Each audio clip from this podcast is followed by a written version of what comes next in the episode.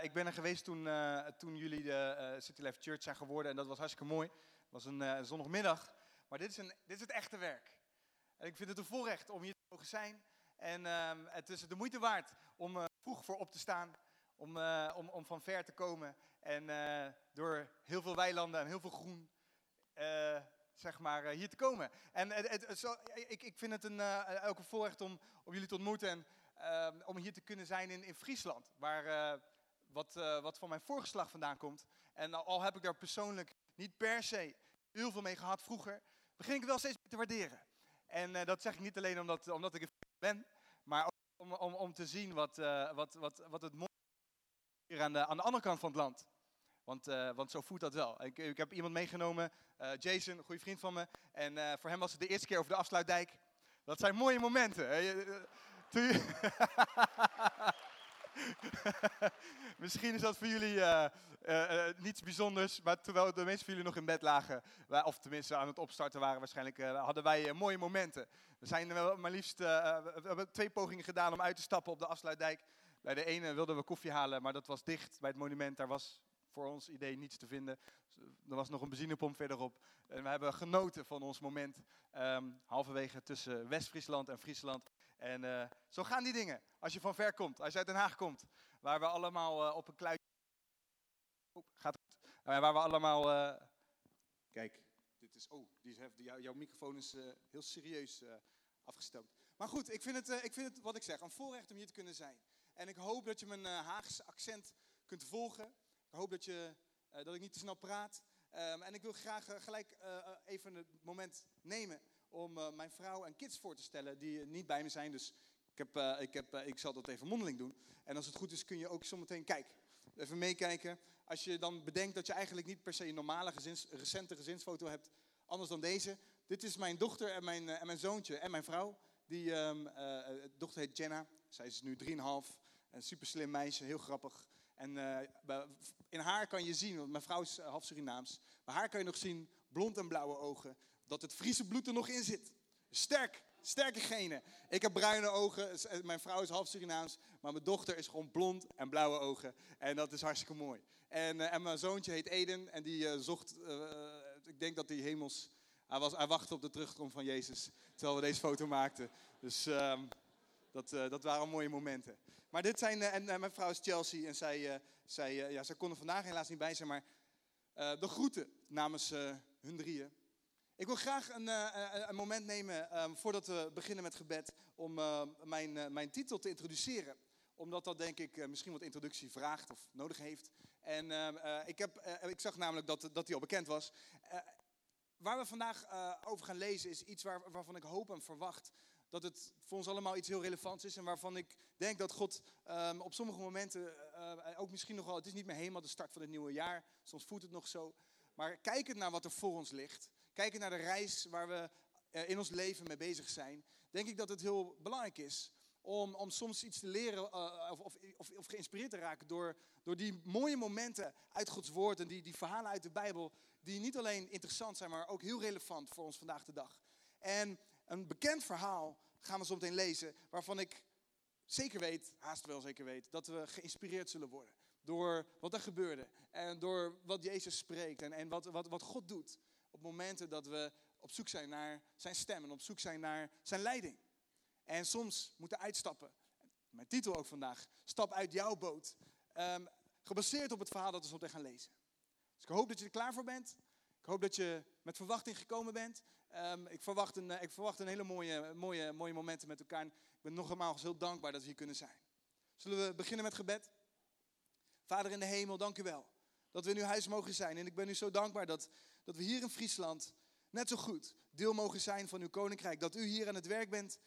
Dat u werkt door deze kerk en de andere kerken in de stad heen. Heer, om uw koninkrijk te bouwen. En ik vraag u dat u tot ons spreekt vandaag. Dat onze geest open zal zijn.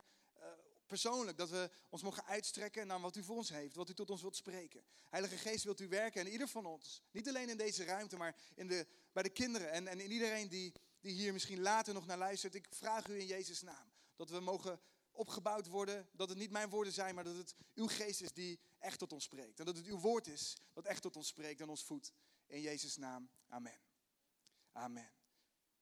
Laten we een stuk lezen uit Gods woord. In dit geval Matthäus 14. Ik denk dat het mooi is om te zien, dat bekende, waarschijnlijk wel bekende verhaal. Als je christelijk opgegroeid bent of als je langer dan een, jaartje in de kerk komt, dan zal het vast voorbijgekomen zijn. En ik denk dat het zo mooi is om dit soort dingen te lezen. Uh, juist misschien wel omdat je soms over zulke verhalen heen leest, omdat je ze al kent. En dat het af en toe, dat het af en toe gezond is om een, om een, om verhaal uit, uit Gods woord te nemen. En op een nieuwe manier naar te kijken. Om, om te vragen, God, wat is het eigenlijk dat u vandaag tot mij wilt spreken door uw oude, oude Bijbel heen? Want we weten allemaal dat zijn woord niet geschreven is als een historisch boek, maar dat het iets is wat ons vandaag de dag kan leiden. En ik vind het zo mooi, jullie hebben net uh, zendelingen uitgezegend. Net zo goed als wat wij hier zoveel hebben aan Gods woord, hebben de mensen daar in Thailand of in Jordanië Gods woord nodig. En ik vind het zoiets bijzonders. Het is zoiets krachtigs. En, uh, en ik denk dat er niks mooiers is. Dat we vandaag de dag uit zoiets ouds mogen leren. En dat we merken, dat we weten dat Gods woord levend is en dat het tot je spreekt. Dus ik hoop dat je met die verwachting met me meeleest als we dit stuk lezen. En we lezen uit Matthäus 14. En dan zie je het volgende. Waarin eigenlijk, um, ik zal het een klein beetje de context scheppen. Je ziet dat de discipelen samen met Jezus een groot wonder hebben meegemaakt. Het is het, het wonder wat je hier ziet, uh, waarin, waarin meteen daarna. Oftewel, er is net iets gebeurd. En dat verhaal is dat, het verhaal van de, van, de, van, de, van de manden, het broden en de vissen. Jezus had daar een grote menigte om hem heen. En er staat, de Bijbel heeft niet eens de moeite genomen om de vrouwen en de kinderen te tellen. Het waren zoveel mensen. Waarin staat, er waren alleen nog 5000 mannen bij elkaar. In de heuvels. En uh, ik weet niet hoe Jezus dat deed. Zonder, zonder geluidssysteem en zonder dingen die wij vandaag de dag nodig hebben. En hij sprak daar. En het was, het was een lange preek. Op een gegeven moment kregen de mensen honger. En je ziet dat de discipelen daar gebruikt werden door God om een wonder uh, te helpen faciliteren. Waarin Jezus de bro broden breekt en vissen breekt of scheurt of hoe dat ook werkt. En um, men had te eten. En er waren twaalf mannen over. Elke discipel had zijn eigen mand. Als zijn aandenken aan het wonder dat God had gedaan. Voorziening die hij kon, kon geven uit iets kleins. Uit het, in dit geval het, opofferen van de lunch van een kleine jongen. En dan staat hier meteen daarna. Dus je, je kunt je voorstellen dat er een groot wonder is. De discipelen hadden waarschijnlijk die mannen nog bij zich. Stapten ze in de boot. En Jezus zei daar, zoals een, zoals een pastor dat vaker kan zeggen. Ga jullie maar vast ik, zeg, ik, ik stuur de mensen nog even naar huis. Maar je kunt je voorstellen, als je zo'n mannetje of 10.000 naar huis stuurt, dat je even bezig bent. En Jezus zal waarschijnlijk als um, echte herder van, van, van, van het volk en, en, en zoon van God, zal hij niet waarschijnlijk roepen, jongens, om naar huis. Maar waarschijnlijk gaat hij ze langs en zegt hij, zo fijn dat je hier was. En ik vind het zo mooi dat jij hier bent. En, en dan gaat hij ze langs en dat duurt misschien wel uren. Voordat hij al die 10.000 mensen naar huis heeft ge, gebracht. Dus hij zei, weet je wat, gaan jullie maar vast naar de overkant van het meer. Ga in die boot. En, uh, en dat is wat we hier lezen. Meteen daarna gelastte hij de leerlingen in de boot te stappen. En alvast vooruit te gaan. En Jezus nam zijn tijd. Want nadat hij de mensen naar huis had gestuurd, ging hij persoonlijk met God praten. Hij ging bidden. Er staat hier, hij ging de berg op om om er in afzondering te bidden. En de nacht viel en hij was daar helemaal alleen. En ik vind het zo bijzonder om te zien dat Jezus hier momenten nodig heeft. En die neemt hij ook. Zelfs hij. Zijn eigen tijd met God. En de discipelen waren onderweg en die vroegen zich waarschijnlijk af waarom heeft Jezus ons nu nog aan het eind van de dag dat meer opgestuurd. En je ziet dat uh, van de vaste, wal verwijderd en als gevolg van de tegenwind door de golven geteisterd. begon een storm te komen en tegen het eind van de nacht kwam Jezus naar hen toe, lopend over het water. Nou, dit verhaal, ik denk dat veel van ons dit wel, wel herkennen of hebben gelezen of, of hebben gehoord. Jezus komt over het water aangelopen. Voor hem was het niet zo een probleem dat hij de boot gemist had of dat de boot alvast weg was. Hij uh, had zijn andere manieren om, om zich te verplaatsen. En ik denk, als je dit leest, dan zie je hier iets bijzonders. De, leerlingen zagen hem. En toen ze hem op het meer zagen lopen, raakten ze in paniek en ze riepen een spook. En, hij schreeuwde, en ze schreeuwden het uit van angst. Meteen sprak Jezus hen aan, blijf kalm, ik ben het, wees niet bang. Petrus antwoordde, Heer, als u het bent, zeg me dan dat ik over het water naar u toe moet lopen. En hij zei, kom. En Petrus stapte uit de boot en liep over het water naar Jezus toe. Toen, er was geen afsluitdijk, er waren geen andere dingen. Petrus hier, ik denk dat het meer impulsiviteit was dan wijsheid. Ik denk dat het meer uit angst geboren opmerking slash vraag was. Dan dat het echt iets was waar... Niemand had waarschijnlijk zien aankomen dat, dat hij ook echt over dat water zou gaan lopen. En Petrus zelf volgens mij ook niet. Het, het ademt angst en het ademt Impulsiviteit. En dat hebben we vaker natuurlijk gezien bij Petrus. Maar het mooie van, hier, van deze situatie is dat Jezus reageert op de vraag van Petrus. En Petrus zegt, heer, als u dat bent, zeg me dan dat ik ook op, op dat water moet gaan lopen. Dat ik uit die boot moet stappen. En daarop gebaseerd, snap je wel, heb ik mijn, mijn titel voor vandaag, mijn thema.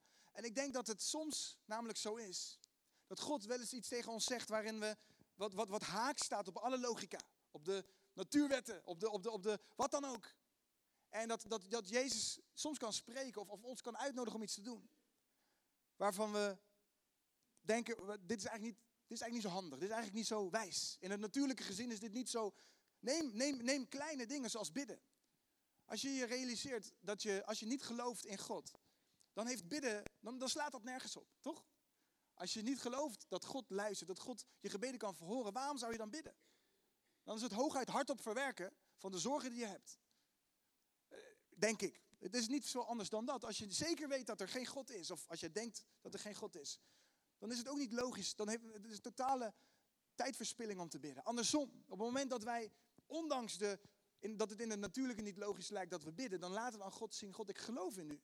Ik neem, ik neem deze momenten om, om mijn zorgen of mijn, mijn, mijn verlangens of, of mijn, om mijn vreugde met u te delen, u te danken. En, en, en, en dat, daarmee bewijzen we dat, we dat we in God geloven. Anders zouden we dat niet doen. Dat is net zoiets. En ik vind het zo mooi om te zien. Wat we hier zien is dat Petrus in een situatie komt, midden in de angst en in de storm. Waarin hij vraagt, Jezus, als u dat bent, wilt u dan tegen mij zeggen dat ik uit die boot moet komen? En inderdaad, Jezus zegt, kom. Dat is makkelijker gezegd dan gedaan. Dus waar we naar gaan kijken zijn een viertal interessante lessen die we kunnen leren uit dit, dit verhaal. Een beetje een sensatieverhaal. Ik vind het een van de wat eh, ja, een beetje, een beetje extreem verhaal, want het gaat redelijk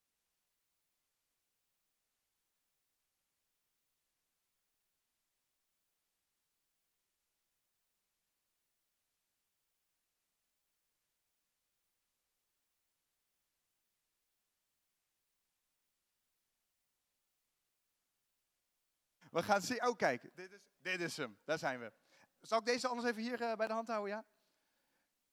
Um, wat, wat denk ik belangrijk is, vier lessen die we kunnen leren uit dit verhaal. En, en, en het heeft mij geïnspireerd om opnieuw naar te kijken, om opnieuw in te duiken. En het allereerste wat ik, wat ik hier uithaal, wat, ik, wat we zien met elkaar, is dat ook al dat het verhaal maar kort is, het, kost een paar versen. Zoals je ziet, hè, we, hebben natuurlijk nog niet helemaal tot het eind doorgelezen, maar je ziet het, het, het maar eind goed al goed. Dat is natuurlijk wel vaak zo met Jezus, dat is mooi. Maar wat we hier zien is, toen hij voelde hoe sterk de wind was, werd Petrus bang. Hij was al bang, ik weet niet precies wat er in de tussentijd gebeurde. Hij was bang. Hij dacht dat hij een spook zag. In zijn angst riep hij naar Jezus. Jezus sprak met hem. En ik denk dat hij even zijn angst verloor. Maar hier werd hij weer bang. En hij begon te zinken en hij schreeuwde naar tijd. Heer, red me. Jezus strekte zijn hand uit en hij redde hem, greep hem vast. Een kleingelovige. Nou ja, klein, hij loopt op het water. Maar kleingelovige, waarom heb je getwijfeld? En toen ze in de boot stapte, ging de wind liggen. Dus je kunt je voorstellen, in die paar versen gebeurt er een groot wonder. De, de andere discipelen zaten vol angst en vol verwondering in die boot te kijken wat hier gebeurde. En ik denk dat er de eerste les die we hieruit kunnen leren, wat ik hieruit haal is dat het wel iets bijzonders is, dat we voor onszelf, het is, het is onze keus of wij op zo'n moment uit de boot stappen of niet. De eerste les die ik hieruit haal is dat het is aan Petrus, het is aan, al, eigenlijk aan alle discipelen, denk ik, net zo goed. Ze hadden dezelfde Jezus, dezelfde situatie, dezelfde context. Ze hadden denk, ik denk dat als er meerdere discipelen uitgestapt waren, geloof ik dat ze waarschijnlijk hetzelfde wonder hadden kunnen meemaken. Maar Petrus was de enige die, die uit de boot stapte. Hij was de enige die dat durfde, hij was de enige die dat deed. Waarom dat precies zo is, weet ik niet, maar ik kan me goed voorstellen dat angst een belangrijke factor was. En ondanks dat Jezus in alle rust um, dat, op dat water aan kwam wandelen en zei, kom maar. Denk ik dat het soms toch best moeilijk is om te luisteren naar Jezus' stem op het moment dat de timing en de context en de omstandigheden niet zo optimaal lijken. Überhaupt over het water lopen is nooit echt een ding wat gebruikelijk is. Maar hier helemaal. Context en de timing en alle dingen midden in een storm. Jezus, kunt u dan niet dat aan mij vragen als het rustig water is? Een beetje wennen aan het water. Lopen over het water is al zoiets. Maar Jezus hier vroeg hem, en Petrus vroeg het ook aan Jezus eigenlijk, om, om, om uit die boot te stappen. En ik denk dat de andere discipelen misschien wel tijd hadden. Of zei de Heer, ik heb dat wonder gemist. Ik had ook over dat water willen lopen. Toch? Kun je je voorstellen? Ik, ik zou zo zijn. Als ik in de boot had gezeten en ik zie Petrus daar, jongen, jongen. Maar hoe mooi zou het zijn als je deel mocht uitmaken van zo'n wonder? En ik denk dat, dat, dat, het, dat het in dit geval aan, aan ons is om te reageren op iets uitnodiging. Voor iets, om ergens uit te stappen, in iets uit te stappen. Om een stap te zetten die misschien haak staat op allerlei logische dingen. Als jij God vertrouwt, met je financiën bijvoorbeeld, en je zegt, ondanks dat het misschien niet logisch is, vertrouw ik God met mijn financiën en ik, ik, wil, ik wil Hem offers brengen. Ik wil mijn tiende geven, ik, ik noem maar wat. Dat is niet per se logisch in het natuurlijke. Ik bedoel, dat, dat, kost je geld. Dat heb je minder te besteden, je hebt minder. Maar in het bovennatuurlijke breng je iets in Gods systeem en, en, vertrouw je God boven het natuurlijke. En ik geloof dat daar zegen op rust, maar dat is wel een stap die je moet zetten. En misschien is ook een storm waarin je dat doet. En misschien iets anders. Als jij, um, als jij het gevoel hebt of, of, of het idee dat God je vraagt om ergens in uit te stappen, om iets te doen. En je denkt, ja, maar dit is helemaal niet logisch. Ik bedoel, de, de omstandigheden zijn niet wijs of niet handig. Of het kan helemaal niet. Op het water lopen kan helemaal niet. Dus ik vind het leuk om te zien. Ik denk dat we daarvan kunnen leren. Het is onze keuze of we uit de boot stappen. En, en soms, denk ik, soms denk ik dat, dat, dat, dat het, ondanks dat de omstandigheden hetzelfde zijn voor iedereen. We zitten allemaal hier in de kerk. Kan het zijn dat God tot jou persoonlijk iets zegt vandaag? En je buurman of je buurvrouw heeft dat niet. En, en, en het kan, ik denk dat dat ook zo werkt met God. Dat we allemaal onze eigen reis met hem gaan. Hij heeft jou gemaakt en buurman, buurman of buurvrouw weer anders. We hebben ook allemaal onze eigen momenten waarop we uit zo'n boot moeten stappen. Of waarop we ergens in God moeten vertrouwen. En dat is voor ieder van ons wat anders. Dus de les dat het aan ons is om uit de boot te stappen. En het volgende wat we leren is dat de timing helemaal niet logisch of perfect is. Het staat ook in, in, Prediker dat we kunnen soms blijven kijken naar de lucht. Blijven kijken naar wat, wanneer, wachten op betere omstandigheden. Maar er zijn altijd redenen te verzinnen waarom nu het goede moment is. En ik denk dat dat ook te maken heeft met vertrouwen op God. Als het geen storm was geweest, was de omstandigheden waren alsnog niet perfect geweest. Want het is nooit perfect om op het water te lopen. Maar we moeten soms God vertrouwen. Dat als Hij spreekt, dat het in zijn, in zijn bescherming altijd oké is. En dat is soms moeilijk. Dat is soms lastig. En dus die timing is een ding. En de andere discipelen dachten waarschijnlijk hetzelfde als Petrus. Hij keek naar beneden en hij werd bang. Realiserend dat hij zich op het water bevond en midden, in een storm. Maar soms gaan wij door het leven en, en hebben we het gevoel dat, dat het een storm is waar we ons in bevinden. En dan, zolang we naar Jezus kijken, kan het zijn dat we misschien die, die, dat vertrouwen hebben, die, die rust ervaren. Maar het is zo verleidelijk om om je heen te gaan kijken. Het is lastig om alleen maar naar Jezus te blijven kijken. Terwijl je kijkt, ik, loop nu op het water. Of ik, ik doe nu iets wat niet logisch is. Ik doe nu iets wat, wat mij geloof kost of, of vraagt. En dat is soms lastig. En in een tijd waarin, waarin, waarin je uh, soms ook een minderheid bent. Want dat is mijn volgende punt. Wat je hier ziet is dat zelfs de context van de discipelen van Jezus was. Hij was een minderheid, hij stapte alleen uit die boot. En je kunt bedenken, als ik de enige ben die dit doe, en al deze andere mensen om mij heen, zijn goede gasten. Ze houden ook van Jezus, ze leven met Jezus. Dus misschien maak ik nu wel een fout door uit die boot te stappen.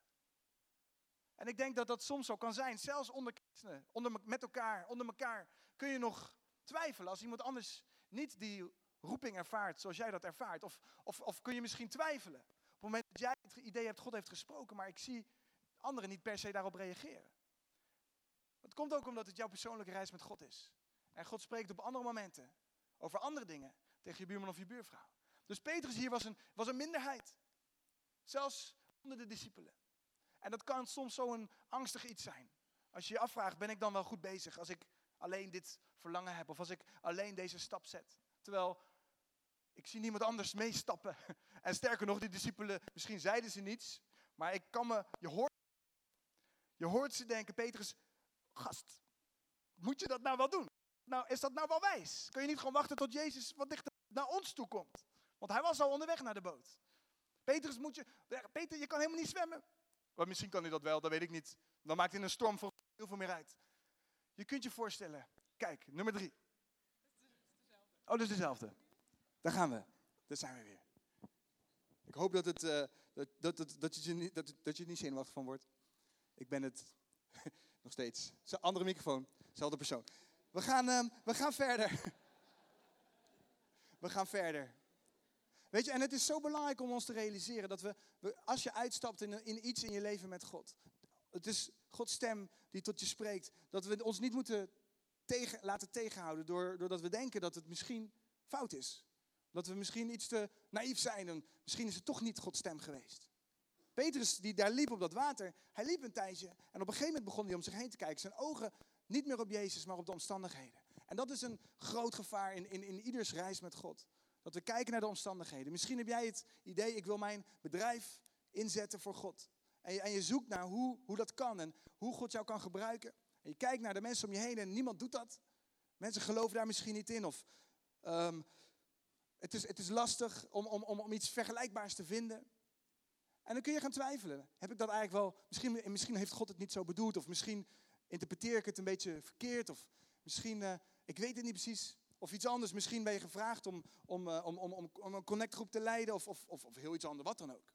En je kijkt om je heen en je vrienden of mensen om je heen die, die, die, die dat niet doen. En je gaat twijfelen. Misschien ben ik helemaal niet geschikt. Misschien kan ik dat helemaal niet. En dat zijn van die momenten. En het kan van alles zijn. Zoveel dingen waar we over kunnen twijfelen.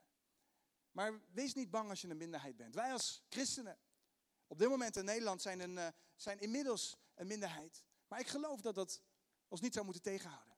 Het zou ons moeten inspireren.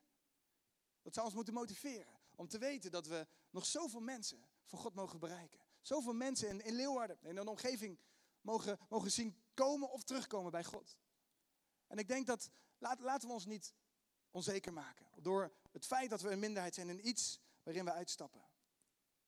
En het andere, de vierde les die we hieruit mogen leren, is dat zelfs, en dat is misschien wel een van de meest interessante dingen. En ik denk dat het voor mij, ik spreek net zo goed tegen mezelf, zelfs al hoor je Jezus' stem, zelfs al is het Jezus zelf die iets tegen je zegt, dan kun je nog steeds angstig zijn. En ik dacht, ik, ik weet nog, het is niet zo heel lang geleden dat iemand tegen me zei, hij zei, als, als God tot je spreekt, dan zul je altijd vrede, vreugde en uh, nog een V, iets, uh, vrede, vreugde en nog iets. Zoiets moois, ervaren. Vrede en vreugde en nog iets, ik weet niet wat het was. En, en hij zei, als God, als God spreekt, dan, dan weet ik zeker, dan zul je altijd vrede en vreugde ervaren. En ik dacht, nou volgens mij is dat niet zo. Ik geloof niet dat dat altijd zo is. Als ik dit zie, Jezus zegt, Petrus, kom maar uit de boot. Er spelen allerlei factoren mee. Die ondanks dat Jezus misschien vol vrede en vreugde was, dat is de meeste niet altijd. Dus Petrus was niet vol vrede en vol vreugde. Hij was vol angst en hij was vol, waarschijnlijk dacht hij elke keer weer, wat heb ik gedaan, wat heb ik gedaan? De discipelen zitten te kijken, ik kan nu niet omkeren, maar wat heb ik gedaan? Maar soms denk ik dat het toch, ondanks dat Jezus heeft gesproken, dat je wel angst kunt voelen. Dat je wel onzeker kunt zijn. En ik denk dat dat er wel bij hoort. Het is, het is niet de afwezigheid van die angst, maar ik denk dat het Gods, Gods troost en Gods leiding en Gods, Gods kracht, dat is wat we dan op dat moment nodig hebben. Betekent niet dat we niet meer zonder angst zijn. Er staat ook nergens in de Bijbel dat, dat, dat problemen weg zullen zijn of dat, dat alle angst verdwijnt. Dat uiteindelijk wel. Maar het is niet zo dat dat in het wereldse leven al, al altijd zo zal zijn. Helaas. Maar dat, dat had mooi geweest, het is niet zo.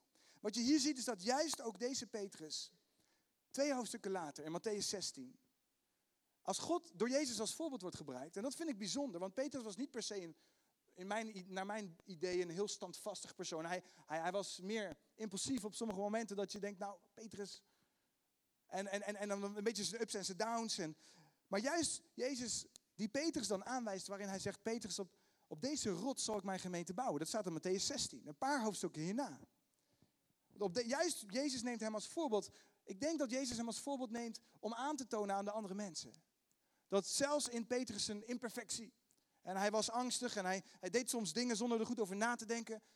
En, soms was hij haantje de voorste en soms eh, was hij degene die het minst uh, durfde uit te komen voor, voor wie Jezus was in zijn leven. En, en toch zegt, Petrus, of zegt Jezus hier, Petrus, op deze rot zal ik mijn gemeente bouwen. Op mensen zoals jij zal God zijn gemeente bouwen. Niet om wie jij bent alleen, maar omdat je beschikbaar bent. En omdat je toch uit die boot bent gestapt. Misschien is dat wel een van de redenen geweest. Dat Jezus zegt, dit is een, een mooi voorbeeld. Een gewone jonge man met zijn met onzekerheden en zijn angsten. Af en toe een beetje impulsief. Maar Petrus op iemand zoals jij kan God zijn gemeente bouwen. En ik geloof dat dat een, een, een bemoediging kan zijn. Dat we zijn. Niemand van ons is perfect. En toch kan Jezus zijn gemeente bouwen op mensen zoals wij. Daar heeft hij voor gekozen. En ik vind dat iets bijzonders. Weet waar, we waar, waar we nu naar gaan kijken, dat heeft iets meer te maken met onze reis met God. En ik hoop dat je, daar, um, dat je, dat je, dat je met me meeleest. En ik heb ook wat, wat plaatjes zometeen erbij. Als we kijken naar onze reis met God, dan is dat iets wat, ik denk dat dit een heel belangrijk aspect is. Dat we af en toe momenten hebben waarin we ons moeten realiseren, we zijn op reis. God, God, God, Gods verlangen is dat er iedere dag iets nieuws is. Een nieuwe openbaring van Hem aan ons. Een, een nieuwe, uh, zoals Hij zijn koninkrijk aan het bouwen en aan het uitbreiden is. Waar die mensen, mee, uh, mensen in gebruikt. Mensen als jij en ik. Dan, dan is het ook zo dat, dat er iedere dag nieuwe dingen zijn. Staat ook zijn genade is iedere dag nieuw. Dus als we op weg zijn met God, dan is het denk ik het plaatje van het beloofde land. Het innemen van het beloofde land. En ik wil je een, een quote laten zien van, um, van Martin Luther King. Waarin hij het volgende zegt. Nou, dit is een, een, een gezegd of een, bijna een gezegd of een uitdrukking die we zeker in de christelijke wereld wel kennen. Waarin hij het volgende zegt. I just want to do God's will. And he has allowed me to go up to the mountain. And I've looked over. And I've seen the promised land. Hij, ik wil graag, zijn, hij, hij zegt hier in de tijd dat hij pastor was. Ik ben, ik, ik, mijn verlangen is om Gods wil te doen. En ik, ik heb het voorrecht gehad om, om, meegenomen te, uh, om, om meegenomen te zijn op de berg. Dan spreekt hij naar het voorbeeld van Mozes, die aan de rand van het beloofde land door God op de berg geleid wordt. En hij mag daar het beloofde land zien. En zo, zo spreekt hij over, over iets, een visie, een, een, een verlangen, een droom die hij gekregen heeft van God. Waarin hij zegt, ik heb dat mogen meemaken, dat ik dat beloofde land heb mogen zien. En ik denk dat het zoiets krachtigs is, dat ieder, en ik geloof ook dat ieder van ons voor zijn of haar eigen leven, voor zijn of haar eigen gebied, iets heeft, een stuk beloofde land. Iets waarin God je wil gebruiken, waar, waar, waar God je in wil leiden. En wat hier Martin Luther King zegt in de tijd dat hij door God gebruikt werd. Om, om een stem te zijn voor onrecht in, in de maatschappij. Dat, dat was zoiets moois dat dat in de context was van de kerk die hij toen mocht leiden. Op het moment dat hij, hij is een aantal jaar pastor geweest. En in die tijd heeft God hem gebruikt om, om bekendheid te verwerven. Voor de goede dingen, voor de, voor ik, ik denk voor, de, voor rechtvaardigheid. En dat vind ik zoiets moois. Nooit vergeten dat hij, dat hij een pastor was. En wat je hier ziet is dat hij zegt, ik, dat beloofde land heb ik gezien. Nou, als wij kijken naar onze reis met God, dan denk ik dat het, geloof ik ook, dat er een reden is in de Bijbel dat we zoveel lezen over dat beloofde land. Dat er een reden is waarom we zoveel in het Oude Testament meegenomen worden naar die reis, dat beloofde land in. Het is het boek Jozua. Ik hou ervan, ik ben er naar vernoemd. Ik, eh, ik spreek ook elke, elke keer als ik spreek, gebruik ik iets uit Jozua. Dat vind ik mooi. Omdat dat het, het boek is waarin, waarin het volk geleid wordt. Of, of, of die strijd aangaat dat beloofde land in. En ik geloof dat God een God is die ons soms stukken strijd geeft. Of wat gaan we zo iets over lezen. Soms hebben we een strijd voor ons persoonlijk te strijden. Het zou makkelijker zijn als het niet zo was, maar het is onderdeel van ons leven als christen. Dat we af en toe een strijd hebben, dat er voor ons ligt, een, een stuk beloofde land in te nemen. Maar als je die reis gaat, dan zul je zien dat het niet zomaar een land is. Want ik wil graag een plaatje laten zien. Ik hoop dat je het een beetje kunt zien. Het is misschien wat klein, maar dit is het beloofde land, ingedeeld naar de stammen. Als je kijkt, elk kleurtje is een andere stam. En, en, en, en je zou denken, nou, dat beloofde land is makkelijk. God heeft een gebied aangewezen. Pak een liniaal, trek wat lijnen, verdeel, verdeel het eerlijk. En um, succes ermee. Ik weet niet of je ooit zo naar het beloofde land hebt gekeken, maar dit is de verdeling geworden van het beloofde land. Elke stam had zijn eigen gebied. Is het niet per se logisch? Toch? Dat, dat, dat vind ik in ieder geval niet. Het is niet heel logisch verdeeld. En er zal dus ook een reden voor zijn. En ik, ik ben gaan, gaan zoeken naar de betekenis van al die stammen. En je ziet dat elke stam heeft een betekenis. En Gods woord is natuurlijk zoveel dieper dan wat wij op het, op het eerste gezicht lezen. Maar je kunt ervan uitgaan dat als ergens veel aandacht aan besteed wordt in de Bijbel, er zitten vast meerdere lessen in. En als je kijkt naar die stammen, dan zie je dat elke stam voor iets heel moois staat, of soms voor iets, iets moeilijks. Sommige dingen die gaan meer over worsteling of strijd, zoals Naphtali. En andere dingen gaan weer over, over, over beloftes van God. En je kunt je voorstellen, de, de reis die dat beloofde land uh, was, de, de, het volk werd verlost uit Egypte. En ze hadden een tijd in de woestijn waarin God heel veel veranderde. Ze waren slaven en ze moesten leren wat het was om vrij te zijn. En, en, en God leidde ze denk ik niet alleen uit een, uit een omgeving, maar hij leidde ze ook uit een manier van denken. Als je als slaaf denkt, je bent, ze waren helemaal niet gewend om een eigen economie op te bouwen, om een eigen land te, te, te, te leiden of, of iets te doen in eigen inzicht en met eigen vrijheid. Dus ik denk dat die tijd ook nodig is geweest om, om te leren denken voor zichzelf, om te leren handelen naar, naar eigen inzicht. En, en om, om, om samen een, een, een, een maatschappij op te bouwen. Dus op het moment dat ze aankwamen bij dat beloofde land, dat is mijn volgende plaatje, dan kun je zien dat ze een bepaalde route aflegden, die ook niet per se logisch was. En als de dingen niet logisch lijken, dan is het des te interessanter.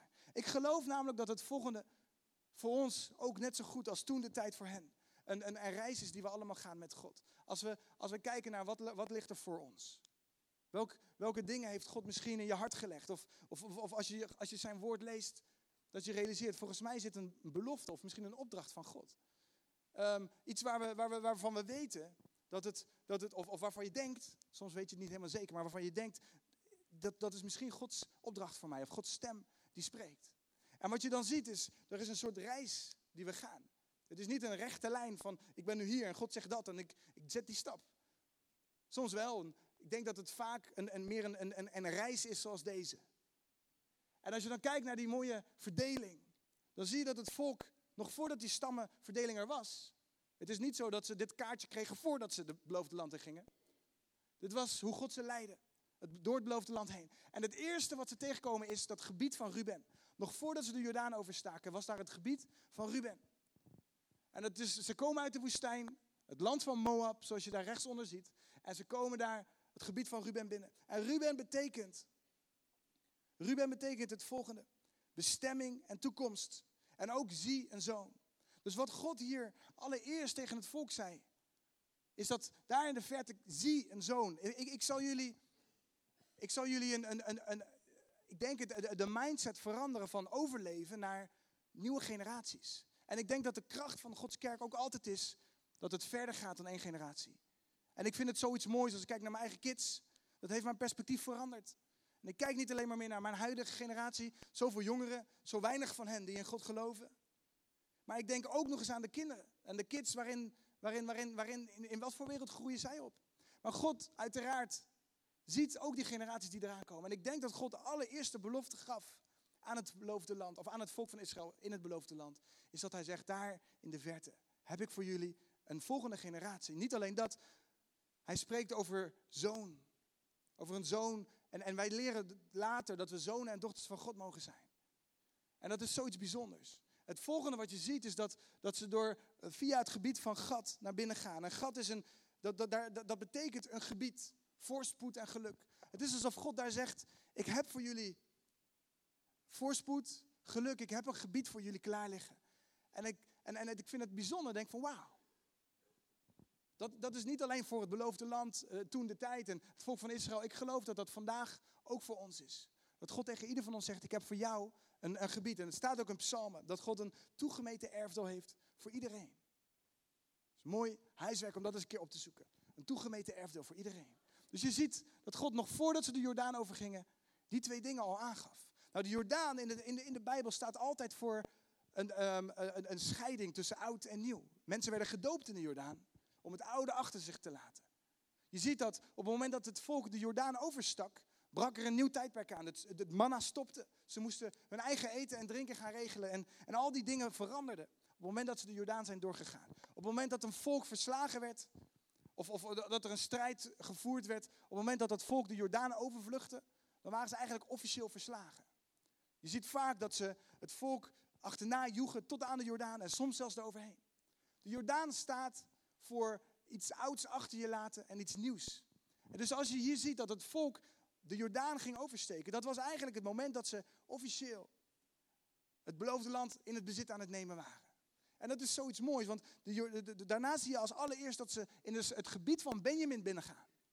En Benjamin staat voor het volgende, dat kunnen we natuurlijk ook lezen, dat staat er gewoon naast zoon van mijn rechterhand. En Manasse, het gebied van Manasse. En je ziet, dat betekent doen vergeten. En ik denk dat die twee dingen bij elkaar horen. Dat ze het, het verleden achter zich moesten laten. Dat ze moesten leren om te vergeten. Soms kunnen we onszelf zo, vast, uh, zo, zo laten tegenhouden door ons eigen verleden. En onze schuld en schaamte. En het besef dat we, dat we zondig zijn, dat we dingen fout hebben gedaan. En dat we daardoor nooit dat beloofde land in durven nemen. En ik denk dat God hier wilde leren. Dat ze vanaf nu een zoon in Gods ogen waren. Jullie zijn mijn, mijn volk, zegt God. En dat ze moesten leren om sommige dingen achter zich te laten. Om sommige dingen te vergeten. Niet alsof het niet gebeurd was. Maar omdat God hun, hun redder was. En dat God zei, ik, ik kijk naar jullie toekomst. Ik wil jullie als volk een eigen gebied geven. En dat is mooi, en dat is belangrijk. In onze eigen reis met God is dit ook belangrijk. En het volgende wat je ziet is dat ze richting het zuiden trekken. Het gebied van Juda. Het gebied van Juda betekent geloofd en geprezen. De dankbaarheid die ontstond onder dat volk, dat ze ook echt het beloofde land begonnen in te gaan, maar net zo goed de opdracht van God aan het volk om te loven en te prijzen. En je ziet dat Juda groot is, het paarse gebied, een groot gebied. En daarom is denk ik aanbidding zo'n belangrijk onderdeel van ons leven. Dat wij leren om God te aanbidden. En dat het iets groots is, dat het een belangrijk onderdeel is. En je ziet hier, Juda, geloofd en geprezen. En midden in Juda ligt daar nog een gebied. Waarom zou dat midden in Juda liggen? Ik denk dat dat te maken heeft met, met Gods, um, hoe God werkt. Dat midden in die aanbidding, midden in dat wij God leren prijzen en aanbidden, dat wij hem leren groot maken, zie je dat hier de volgende stam ligt. En dat staat voor horen en ontvangen. Simeon ligt midden in onze aanbidding. En ik geloof dat het in de momenten van aanbidding kan zijn dat God tot ons kan spreken. Dat wij kunnen ontvangen van God. Midden in onze aanbidding. Het is belangrijk dat we leren om Hem te loven en te prijzen. Soms nog voordat Hij tot ons kan spreken. En dat is, iets, dat is mooi. Dat is belangrijk. Simeon. En verder lezen we dat God zegt, ik leid jullie verder, of, tenminste dat zegt hij niet, maar dat zie je in het, in het volk, richting die andere stammen. God die recht verschaft. Hij is onze rechter. Soms is het moeilijk om in eigen kracht iets te proberen, maar God zegt het, ik ben jullie rechter. En hij leidt ons verder. Belofte van dubbele vruchtbaarheid. Manasse, nog een keer een gebied dingen te vergeten. Want hoe vaak kunnen we nog steeds, ook al zijn we christenen, ook al zijn we misschien gered, kunnen we nog steeds dingen meeslepen of sleuren uit ons verleden. En het is zoiets moeilijks om af en toe dingen echt aan God over te geven. Dus ik denk dat het ligt opnieuw dat gebied. Manasse heeft twee verschillende gebieden zoals je ziet. En we lezen verder. God zal mijn beloning zijn. Hij brengt beloning. God is mijn woning, mijn verblijfplaats. Het gaat steeds meer naar een thuis. Net zo goed, gelukkig en gezegend, het gebied van Aser in het noorden. En dat ligt naast het gebied van Naphtali. En dat staat voor strijd en worsteling. En een van de dingen die we moeten leren soms is dat, ondanks dat we misschien gelukkig en gezegend kunnen zijn op één gebied, is dat er strijd en worsteling kan zijn tegelijkertijd. En dat vond ik moeilijk. Ik kon me dat niet zo goed voorstellen. Ik dacht, op een gegeven moment heb je iets overwonnen. En dan zal het misschien makkelijker gaan in je leven met God. Misschien is het op het moment dat je ergens voor hebt gebeden, je bent God dankbaar. Als hij iets heeft verhoord of als er een wonder is gebeurd, dan misschien gebeurt dat wonder niet. Soms kan je zo dankbaar zijn voor iets en tegelijkertijd worsteling of strijd ervaren op een ander gebied in je leven. En hier zien we dat dat ook naast elkaar ligt. Het is niet zo dat aan het eind van het beloofde land, het eind van hun reis, dat het allemaal wel een beetje klaar was. Maar God daar spreekt over nieuwe strijd en nieuwe zegen. En ik geloof in ons leven met God. Soms stappen we uit in iets en dan vrezen we, misschien aan het begin. En later zien we dat God dat zegent of niet. Maar die strijd en die worsteling kan nog steeds plaatsvinden. Ook al ben je in je leven met God bezig. En het laatste wat we hier zien is nog een gebied van Manasse. Opnieuw. Leer dingen achter je te laten. Leer vergeten. Leer loslaten. En ik geloof dat deze reis te maken heeft met hoe wij soms ook door het leven gaan. Het is niet maar een rechte lijn en van het begin tot het eind is het allemaal uitgestippeld. Het zou makkelijk zijn als het zo was. Maar we hebben God in ieder gebied weer nodig. We hebben God steeds weer nodig in elke stap die we zetten. En soms komen we iets tegen en daarna is het weer wat anders. Soms zegt God, ik heb een belofte voor je, ik geef je dubbele vruchtbaarheid. Een nieuw seizoen. En op andere momenten zegt God, dit is een seizoen van strijd en worsteling. En het is, dat is hoe het gaat en ik denk dat het altijd zo zal zijn totdat Jezus terugkomt. Maar laten we ons realiseren dat God soms die momenten geeft om te leren blijven luisteren naar zijn stem. Soms is het moeilijk. Of juist te makkelijk. Op het moment dat we zegen ervaren. Of op het moment dat, dat onze natuurlijke omstandigheden best, best goed gaan. Dat we niet altijd meer zo goed ons best doen om te luisteren naar Gods stem. En dan kun je op een gegeven moment op een punt komen dat je weer strijd ervaart. Maar Gods verlangen is om altijd dicht bij ons te zijn. Want de enige stam die geen eigen gebied had, dat was de stam van Levi. Dat zijn de Levieten, dat zijn de mensen die, die, die, die, die, die, God, die, die, die ons als volk helpen om met God in contact te blijven. En ik denk dat die, die zijn overal. De Levieten die, die, die, die dienden in de tempel, maar die, die, die, die hadden geen eigen gebied, die woonden overal. Het is voor ons ook belangrijk dat we zulke mensen in ons leven hebben en houden. Mensen die jou helpen om altijd naar Gods stem te luisteren. Daarom is de kerk zo krachtig, omdat we elkaar nodig hebben. Op de momenten dat we misschien zelf ergens in onze reis met God zijn. En misschien gaat het goed, misschien is het zwaar. Maar we hebben altijd mensen om ons heen nodig die ons helpen om naar Gods stem te luisteren. En ik wil graag, als ik zo afsluit, dat je ook misschien even kijkt naar je eigen leven. En dat je, dat je wat momenten in gedachten neemt. Waarin je misschien ooit Jezus' stem hebt gehoord. Misschien heb je echt het idee gehad dat God ooit tegen je zei: stap uit, of kom, of doe iets. En je hebt het niet gedaan. Of je hebt het misschien toen de tijd, ben ermee aan de slag gegaan, maar het is, het is verwaterd. En het is een beetje alsof als Petrus die, die is gaan zinken. En ik denk dat we allemaal momenten in ons leven hebben dat we overtuigd zijn van Gods stem. En toch een aantal weken of dagen of maanden later dat het weg kan zakken. En dat hoort soms ook wel een beetje bij onze reis. We zijn niet perfect als mensen, maar we hebben God nodig. Dus ik wil je vragen om even je ogen te sluiten. En om dit moment te nemen om, in God, om, om bij God te brengen in gebed. Die momenten dat Jezus eigenlijk had gesproken. Of misschien die dingen waarvan je wist dat het van God was. Maar dat je het toch een beetje hebt gelaten. Dat je toch uit angst of onzekerheid, of uit gebrek aan focus misschien, daar niet meer mee bezig bent geweest. En we leren uit Jona net zo goed dat, ondanks dat het soms een hoop gedoe oplevert, dat Gods plan voor je leven niet per se verandert. Iedereen maakt fouten en ik geloof ook dat het consequenties heeft. Maar ik geloof wel dat God en zijn goedheid uiteindelijk nog steeds het verlangen heeft om Leeuwarden en om Friesland, om, om Nederland te redden. En wij als mensen daarvoor ingezet worden. Dat is zoiets bijzonders. Dus terwijl we onze ogen gesloten hebben, wil ik een moment nemen om te bidden. Heer, wilt u die dingen die in ons gedachten komen, waarvan we weten of misschien denken dat het uw stem is geweest. Misschien is het jaren geleden geweest, misschien is het heel recent. Waarin u ons uitgenodigd heeft om uit die boot te stappen. En of we dat nou wel of niet hebben gedaan. Heer, ik vraag u om ons te helpen. Om terug te gaan naar dat moment. Toen we zeker wisten dat u sprak. Heer, en om verder te gaan waar we gebleven waren. Als er mensen hier zijn die misschien een roeping van God hebben ervaren, maar het naast zich hebben neergelegd. Vanwege teleurstelling of onzekerheid of angst. Of gewoon vanwege de drukte van de dag. Heer, ik vraag u dat u onze geest weer aanwakkert. Dat u ons verlangen weer nieuw, opnieuw voedt. Om datgene te doen waarvoor u ons geroepen heeft. En dat is voor ieder van ons iets anders. Maar het is voor ieder van ons iets tussen u en ons. Heer, en help ons om uw stem te verstaan. En om uw leiding te volgen. Heer, help ons om al die verschillende gebieden die onderdeel zijn van onze reis met u, om die te herkennen. Sommige momenten is het een strijd en op andere momenten belooft u dubbele vruchtbaarheid. Op sommige momenten moeten we u leren aanbidden en loven, zodat u daarna tot ons kunt spreken. Op sommige momenten moeten we leren wat het is om iets achter ons te laten en om u over te geven.